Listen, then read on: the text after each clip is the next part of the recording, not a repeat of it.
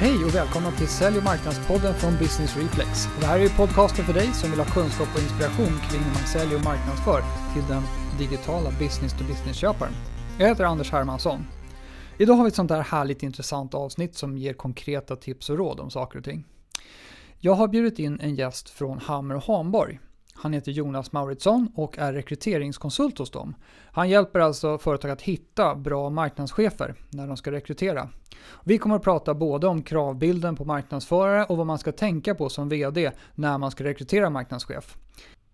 Så över till intervjun med Jonas Mauritsson.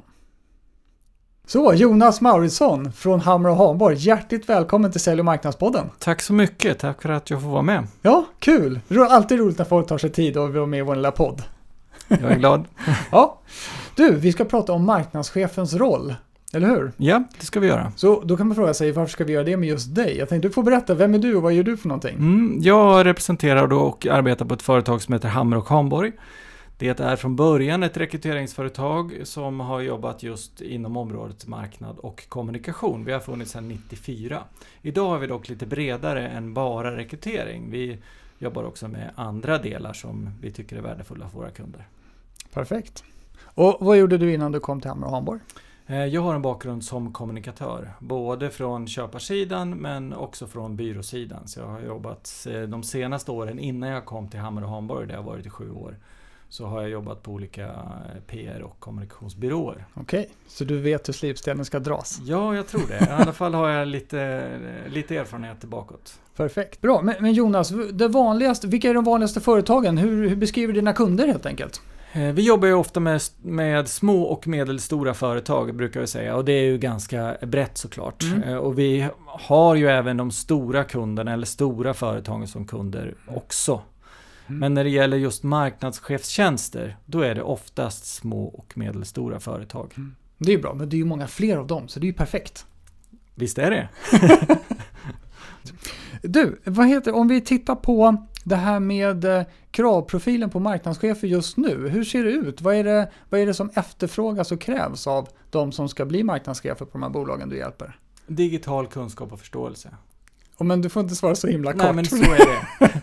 Vi har, men vi har sett, om vi tittar tillbaka ett antal år, så var det många kunder som kom till oss och sa att vi måste ha någon som, som hjälper oss med det här digitala. Då hade de ingen aning om vad det handlade om. Nej. Idag vet man det lite bättre och idag är man också lite tydligare på vad man efterfrågar. Men sen är också efterfrågan väldigt bred och väldigt vid. Mm. Så det beror helt och hållet på vad det är för typ av företag. Men den röda tråden och den gemensamma nämnaren, det är att man kan och förstår digital kommunikation på olika mm. sätt.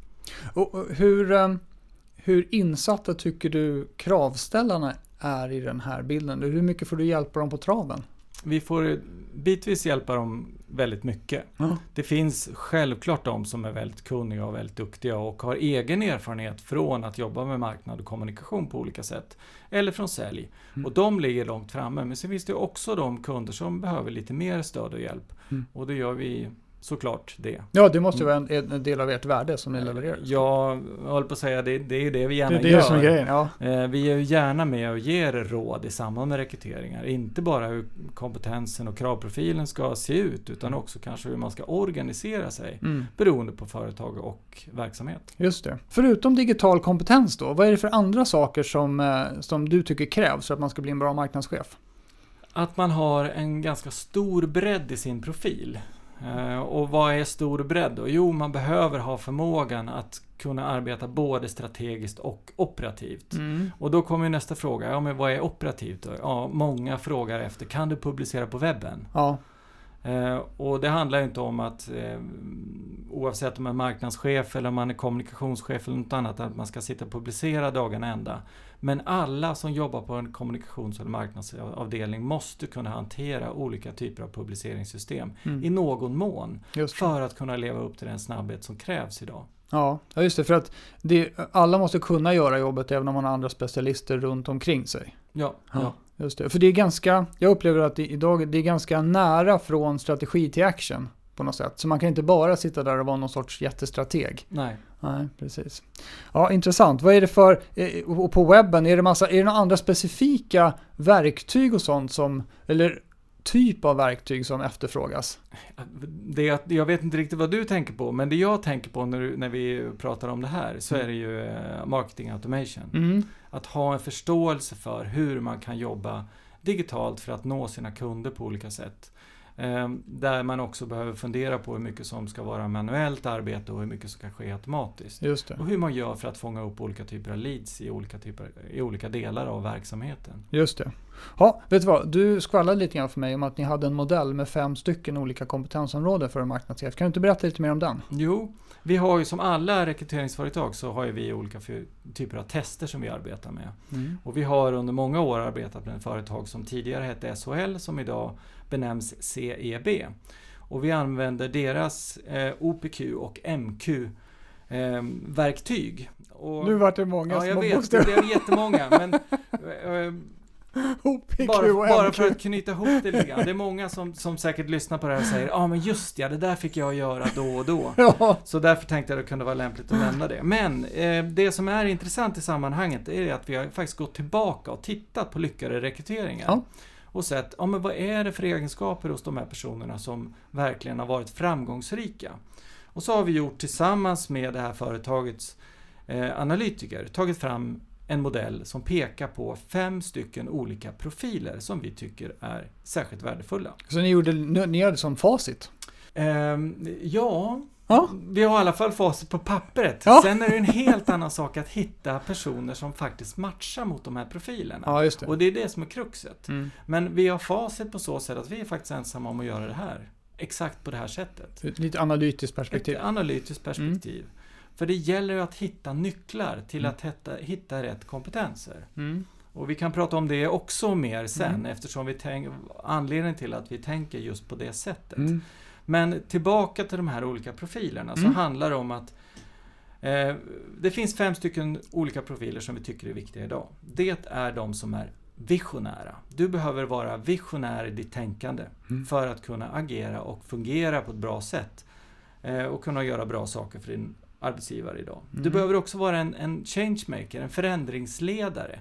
En person som är van vid att kunna agera och fungera i förändring. Det är jätteviktigt. Du behöver också vara en co-creator som har förmåga att samarbeta med andra. Idag försöker man ju så mycket det bara går att bryta upp alla silos i organisationer för att jobba på tvärsen istället. Mm. För att få större, större utväxling av sin verksamhet. Eh, Men sen har vi också den här delen som handlar mycket om att vara operativ. Mm. Eh, Därför söker vi också de som är- vad man kan kalla för performers. Det vill säga de som faktiskt kan åstadkomma de här Resultat. och- resultat Mm. och gå in och göra saker rent eh, handgripligen och Mm. operativt. Och slutligen är femte enablern, Mm. den personen som faktiskt kan se till att andra gör ett bra jobb. Mm. Det vill säga entusiasmera och engagera andra människor.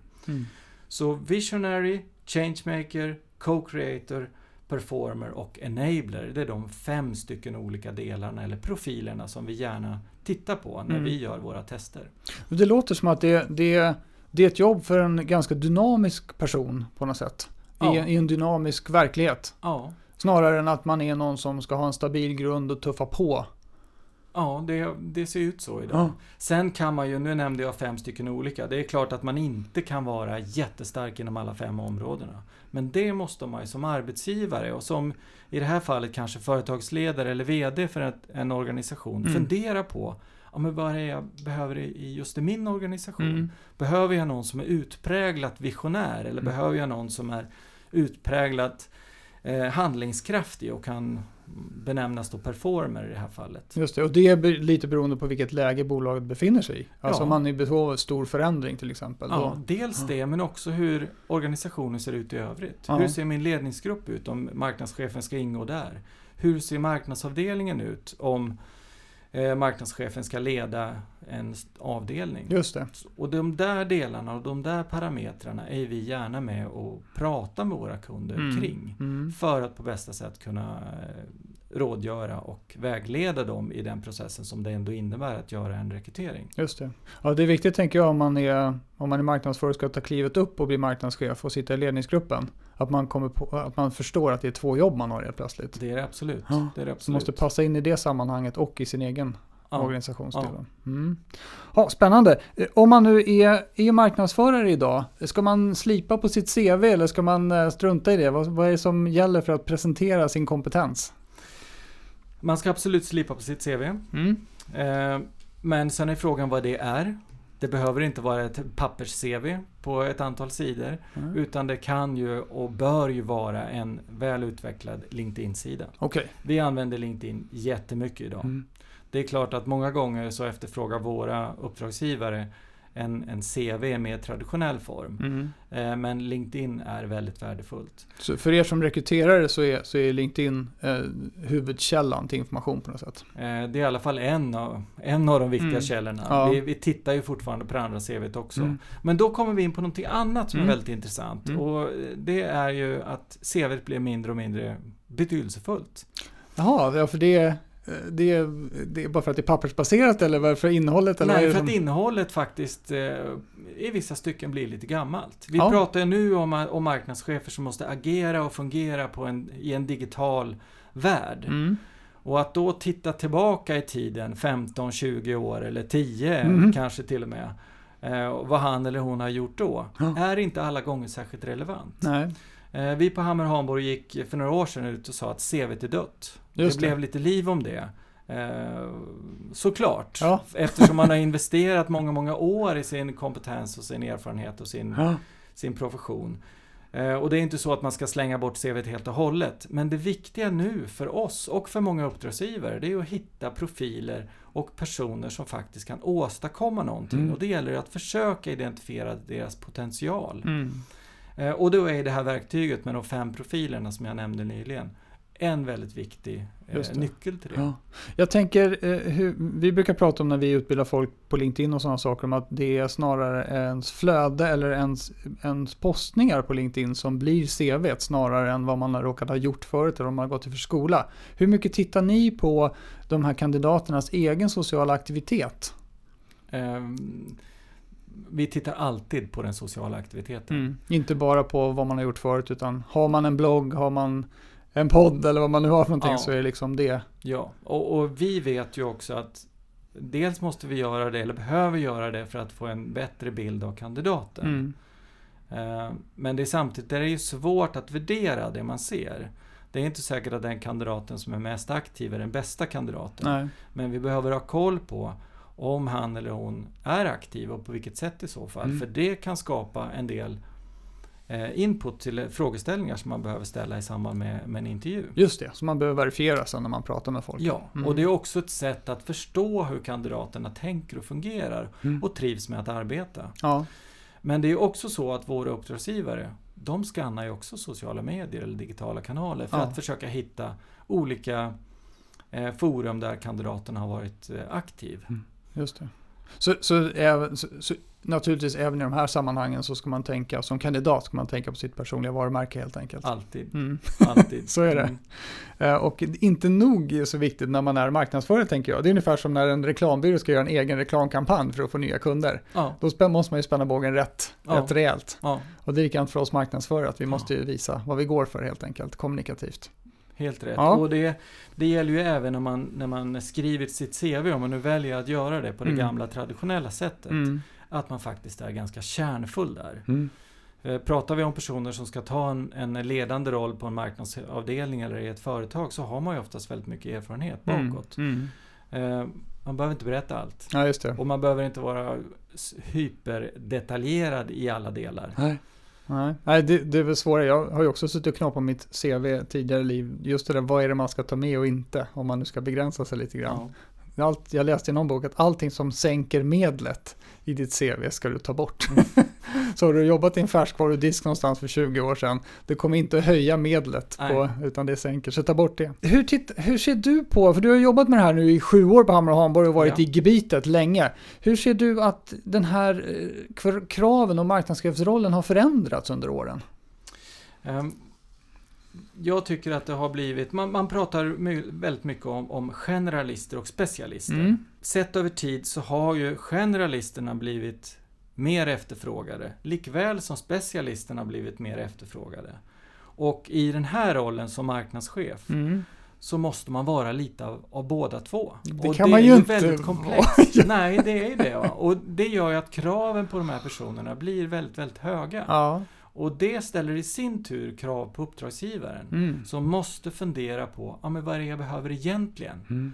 Behöver jag den som har spets på, på um, affären eller behöver jag den som har spets på, på verktygen som ska användas? Eller Mm. vad, är det, vad är det som är absolut viktigast i den här rollen? Just det, så när man ska rekrytera så gör man sig själv och alla andra en tjänst genom att faktiskt sätta sig ner och försöka prioritera sina krav också. Ja. Inte bara ösa på med fulla listan med dröm, drömprofilen. Precis, och det är precis som när man som kandidat ska söka ett jobb. Ja. Så behöver man ju fundera på varför söker jag just det här jobbet? Mm. Jo, i det här jobbet så söker jag det därför att jag har chans att utveckla mina specialistkunskaper. Mm. Eller det här jobbet söker jag därför att jag har chans att utveckla min fallenhet för ehm, strategier eller affärsutveckling. Mm.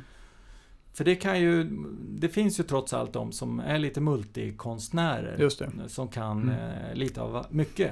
Just det. Ja, det, det finns några få. Mm. Eh, vad jag, ska säga, jag tänkte på det här med eh, ledningsgruppsarbete. Hur ofta är det marknadschefen tar plats i ledningsgruppen?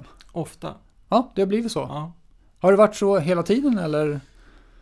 Det är också beroende på vad det är för bolag. Säg att det är business to Tänker jag. business eh, vi pratar om. Ja. Istället. Jag, jag, jag som business to business marknadsförare är oftast väldigt avundsjuk på kon- konsumentmarknadschefen. Ja. För där är det ju så här styrelsebeslut. För nu ska vi rulla ut, nu ska vi göra om eh, loggan på milda margariner. Det är Mm. ju svinstort och då Ja. har vi 300 miljoner i, i marknadsbudget och så vidare. Inom business to business är det ju inte lika självklart eh, att man är med i så att säga toppskiktet. Nej. Eh, min bild är att det har blivit mer vanligt. Mm. Av det skälet att allting går så snabbt. Du kan inte sitta i ledningsgruppen och diskutera affärer utan att fundera över vad som ska hända imorgon. Just det. Vi kan inte göra marknadsplaner som är de närmaste två åren eller fem åren Nej. eller eh, vad det nu kan vara. Utan det är nu nu. Ja, Och precis. sen så finns säkerligen de långa strategierna och inriktningstankarna eh, tankarna också. Ja. Men du måste kunna agera här och nu och då bör marknadschefen finnas med där uppe i ledningsgruppen. Just det, så man inte får andrahandsinformation. Ja. sånt jag tycker det är en bra utveckling naturligtvis. Eh, jag tänkte på det här med, med lite buzzwordaktiga agilt och så, att man ska jobba agilt. Ja. Hur ser du på det och har, eh, är det ett konkret krav eller hur låter det? Hur låter det när uppdragsgivarna säger det på sitt sätt? Antingen använder man ju det ordet, Ja. Ehm, vilket händer att man gör. Mm. Ehm, men sen annars så pratar man ju väldigt mycket om, om att man ska vara flexibel. Mm.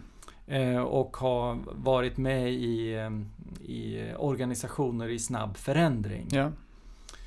Eh, Och det är också ett sätt att lyfta fram att det måste vara personer som också har förmåga att agera snabbt på det som händer. Just det. Men visst, agilt, begreppet eh, och ordet agilt dyker upp då och då. Ja. Det gör det numera. Men ja, just det. Det, Ja. det. Det är på den nivån. det är på Ja. den nivån. Det är på den nivån. Ja, just det. Mm. Så man ska vara flexibel och agera snabbt. Har du eh, erfarenhet av att marknadsavdelningen får beställningar från, från andra delar av organisationen? Att sälj säger att nu ska vi göra det här. Att man liksom är en leveransorganisation på andra avdelningars krav. Eller driver marknadsavdelningen sitt eget jobb strategiskt framåt? Jag tror att det är en av de sakerna som har förändrats under de senaste åren. Mm. Mycket tack vare den digitala möjligheten att, att kommunicera digitalt. Eh, Förr var det nog mycket så, så som du skriver, att eller så som du nämner, att, Ja. eh, att försäljningsavdelningarna la beställningar eller andra avdelningar la beställningar på marknad. Ja, Jag upplever inte att det är lika tydligt idag. nej. Man måste driva sin egen, sin egen agenda framåt helt enkelt. Ja, Och det är viktigt att tänka på som marknadschef att man ska känna att man ska ha den förmågan att leda, faktiskt springa rätt, rätt långt fram ja. bland någon på bolaget. Och det ställer ju också krav på den som är marknadschef att han eller hon känner verksamheten Mm. ordentligt. Och lever i verksamheten, ute i verksamheten. Just det. Eh, Och det kan ju vara lätt på det lilla bolaget med, med, som fungerar lokalt. Men om vi pratar om ett, ett större perspektiv så är det svårare såklart. Ja, det. Men det ställer ändå krav på att du måste hänga med på vad som händer. Ja, just det. I, I bjärt kontrast till kanske det traditionella att man låste in sig med byrån i ett konferensrum och tyck, hade mysigt där och Ja, sen kom ut med en svart panå och sa tada. ja. Ja. Det, det, Så är det inte längre. så är det inte längre. Nej. Så är det inte längre. Så om man tittar på den här rollen, den har förändrats och den har breddats och, och, och sådär. Hur eh, håller den på att, eh, att bli för svår? Är det fortfarande ett jobb det här? Eller, eller kommer det på sikt att delas upp i olika roller på något vänster? Det är ju då ska man sia in i framtiden. Det är såklart jättesvårt. Ja, men men om man tittar vi- tillbaka. Nej, men om man tittar tillbaka, vad är det som har hänt egentligen? Eh, Hamre Hanborg startade sin verksamhet för nu för många år sedan. Mm. Och då jobbade man med marknad och kommunikation. Man Mm. delar ju på marknad och kommunikation. Ja, Och det var ju en, en tydlig skiljelinje däremellan. Om vi tittar hur det fungerar idag så flyter ju de här två områdena ihop. Mm. Ehm, och när vi träffas här idag och pratar om det här så har ju Alexander Bard precis gått ut och, och gjort en, en intervju där han pratar om att marknadsförarna kommer att försvinna till förmån för kommunikatörerna Mm. som i större utsträckning lyssnar och agerar istället för marknadsförarna som kanske bara agerar och är basunerar ut. utåtriktade. Ja, just det. Och det är väl lite grann den eh, förändringen som har varit, att de här områdena flyter ihop. Mm. Likväl som, som sälj också kommer in lite grann Mm. på ett hörn i det här fallet. Just det. Ehm, Så att säga ehm, eh, att det kommer att delas upp ännu mer, nej, det har jag svårt att se. Däremot att det kommer att se väldigt olika ut på Det- olika håll beroende på vad det är för krav som organisationen har man Ja. har att verka för. Så den kanske snarare modelleras om. Man kanske inte tänker så mycket på att det är troligtvis vissa kompetensbitar som faller bort också, som inte blir lika viktiga längre. Det är inte bara nya saker som kommer till. Nej. Mm. Ja, spännande. Eh, det här med, med marknadschefen och närheten till sälj och sådär. Mm. Håller marknadschefen på att bli säljchef eller säljchefen på att bli marknadschef? Eller hur ser det ut där? Eh, samma sak där, gränserna blir ju lite mer otydliga. Mm. Eh, I och med att det går så pass snabbt så upplever jag att marknad kommer närmare säljet och faktiskt kan bidra med snabba leads i större Mm. utsträckning än man kanske har gjort tidigare. Mm. Och pratar vi om försäljning så är det mer de som jobbar längre ut i säljledet snarare än de som sitter och drar upp strategin, strategierna, för de ligger närmare marknad. Mm. Just idag. det. Ja, just det. Precis. Ja, just det. Försäljning och marknadsstrategin kanske börjar likna varandra ganska mycket. Ja. Men sen finns det operativt arbete att göra inom båda skrån. Så att säga. Precis, Mm. precis. Ja. Eh, om man tittar på avdelningen i sig, då, marknadsavdelningen på, Mm. ett, på ett medelstort business-to-business-företag. Har du några liksom, tankar kring vilken kompetens den behöver ha i stort och hur, om det finns några tankar kring hur den ska vara organiserad? Jag tror att det är viktigt att man ser till att man har eh, resurser att vara väldigt snabb när det behövs. Eh, det vill säga om man väljer att jobba med, med digitala kanaler så Mm. måste du också vara beredd på att snabbt agera på det som händer i de här digitala kanalerna. Mm. Om det sen är LinkedIn eller om det är Facebook eller vad det nu kan tänkas vara.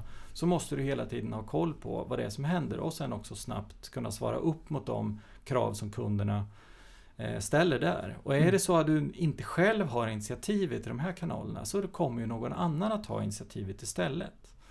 Så att Mm. det bör finnas någon som kan snabbt agera på det som händer kring eh, ditt företag och din affär. Mm, just det, så, så man, ska vara, just man ska vara på och man ska inte vara beroende av så många andra som är på lite armlängds avstånd. Utan man ska kunna agera på saker själv. Med in-house resurser helt enkelt. Ja. Ja.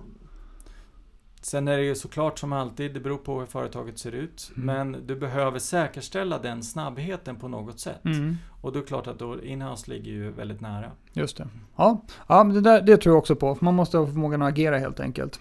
Men du Jonas, om du ska rekrytera en marknadschef. Jag är VD här och på mitt medelstora företag och eh, kanske inte har haft någon marknadschef förut eller har en marknadschef som på något sätt ska sluta så det finns en chans till förändring och utveckling. Och så ska jag rekrytera en marknadschef. Hur ska jag tänka då? Du ska fundera på vad du vill med ditt företag. Det finns ju de som är, är modiga, det finns de som är eh, kanske lite mindre modiga. Mm. Och sen kan man ju fråga sig vem som är klokast. Mm, Det, det är svårt det. att säga. Ja. Men eh, många gånger så upplever jag att kunderna efterfrågar någonting som de känner sig trygga med från första början. Och Mm. det kan, vara många, det kan många gånger vara helt rätt. Det beror på var företaget står. Och när jag säger trygga så tänker jag att de är ute efter någonting som de själva förstår.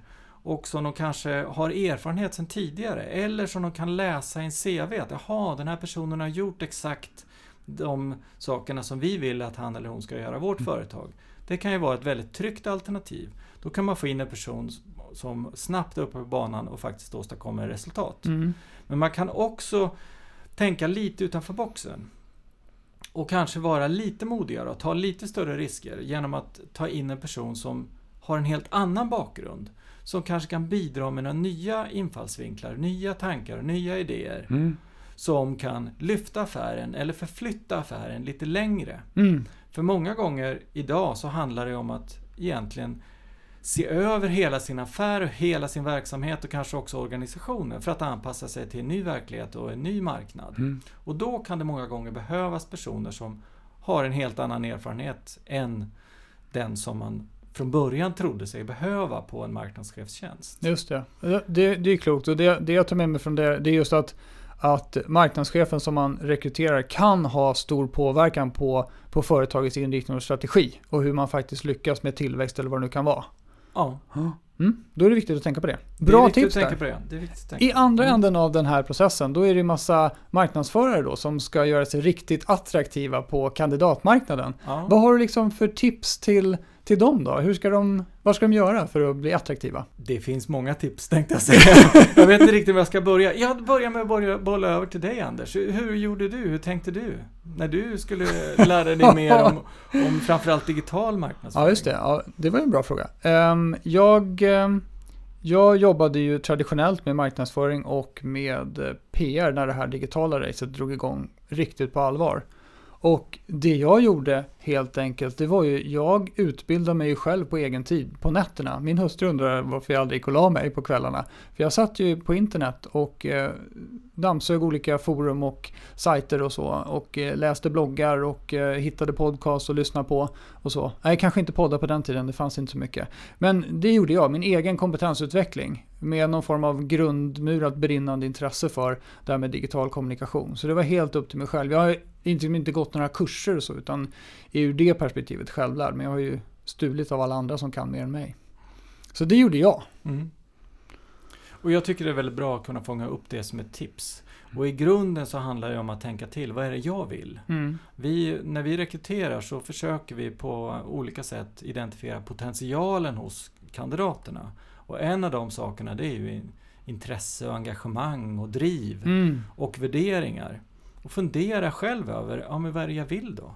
Just det. Och sen försöka hitta de här sakerna som verkligen intresserar mig och sen fördjupa mig i det Mm. på något sätt. Mm. Och ett sätt kan ju faktiskt vara att eh, lära sig nya saker och det behöver man inte gå man kan gå kurser och skolor och så, men Mm. man kan också botanisera väldigt mycket på nätet. Just det. hitta mycket Ja, det finns, där. det finns ju väldigt mycket att, att, att gräva runt i där. Ja, men det är väl en bra grej att man, man gör en lite grann personlig resa av det hela. Inte Mm. bara försöka, ja men då ska jag lära mig Adobe-sviten också så är det klart. Utan kanske gå, ta ett steg tillbaka och fundera över vad det är som faktiskt brinner där inne. Ja, Ja, jag tror att det är, en, det är en, ett bra grundtips, just det. Helt enkelt. Mm. Och sen när man söker sig vidare så behöver man ju alltid fundera på kopplat till den tjänsten man söker. Vad är det just i det här jobbet som intresserar mig? Mm. För att när du väl träffar mig som rekryterare eller någon av mina kollegor eller uppdragsgivaren Mm. så måste ju du kunna tala om varför söker du just det här jobbet? Just det. Tala om dina drivkrafter Mm. och vad det är som attraherar det här jobbet. Det är många gånger en nyckel. Ja. För när uppdragsgivaren sitter där eller VDn sitter där och ska välja en person Mm. i slutändan. Om man väljer mellan, mellan två stycken. Ja, vem Mm. är det som får jobbet då? Är det den som bockar i alla rutor på kompetenser Mm. eller erfarenheter? Eller är det den som har rätt driv, rätt attityd och faktiskt kan tala om och övertyga om att jag kommer att göra ett bra jobb? Mm. Ja, men det är ju personen. Det är den som det får är jobbet. personen som får jobbet. Ja. Du kan alltid lära dig nya saker och fylla i kunskapsluckor. Mm. Men att ha rätt driv, rätt attityd Mm. och faktiskt eh, känna att du hör hemma i en organisation. Mm. Det är ofta nyckeln. Härligt! Ja, Tack Jonas! Superkul att du kunde Tack komma själv. förbi. tack så mycket för att jag fick vara med. Ja, Mm. ha det så bra. Då! Hej då! Det var allt vi hade att bjuda på från Sälj och marknadspodden för den här gången. Vad du än gör där ute, så var relevant. Hej då!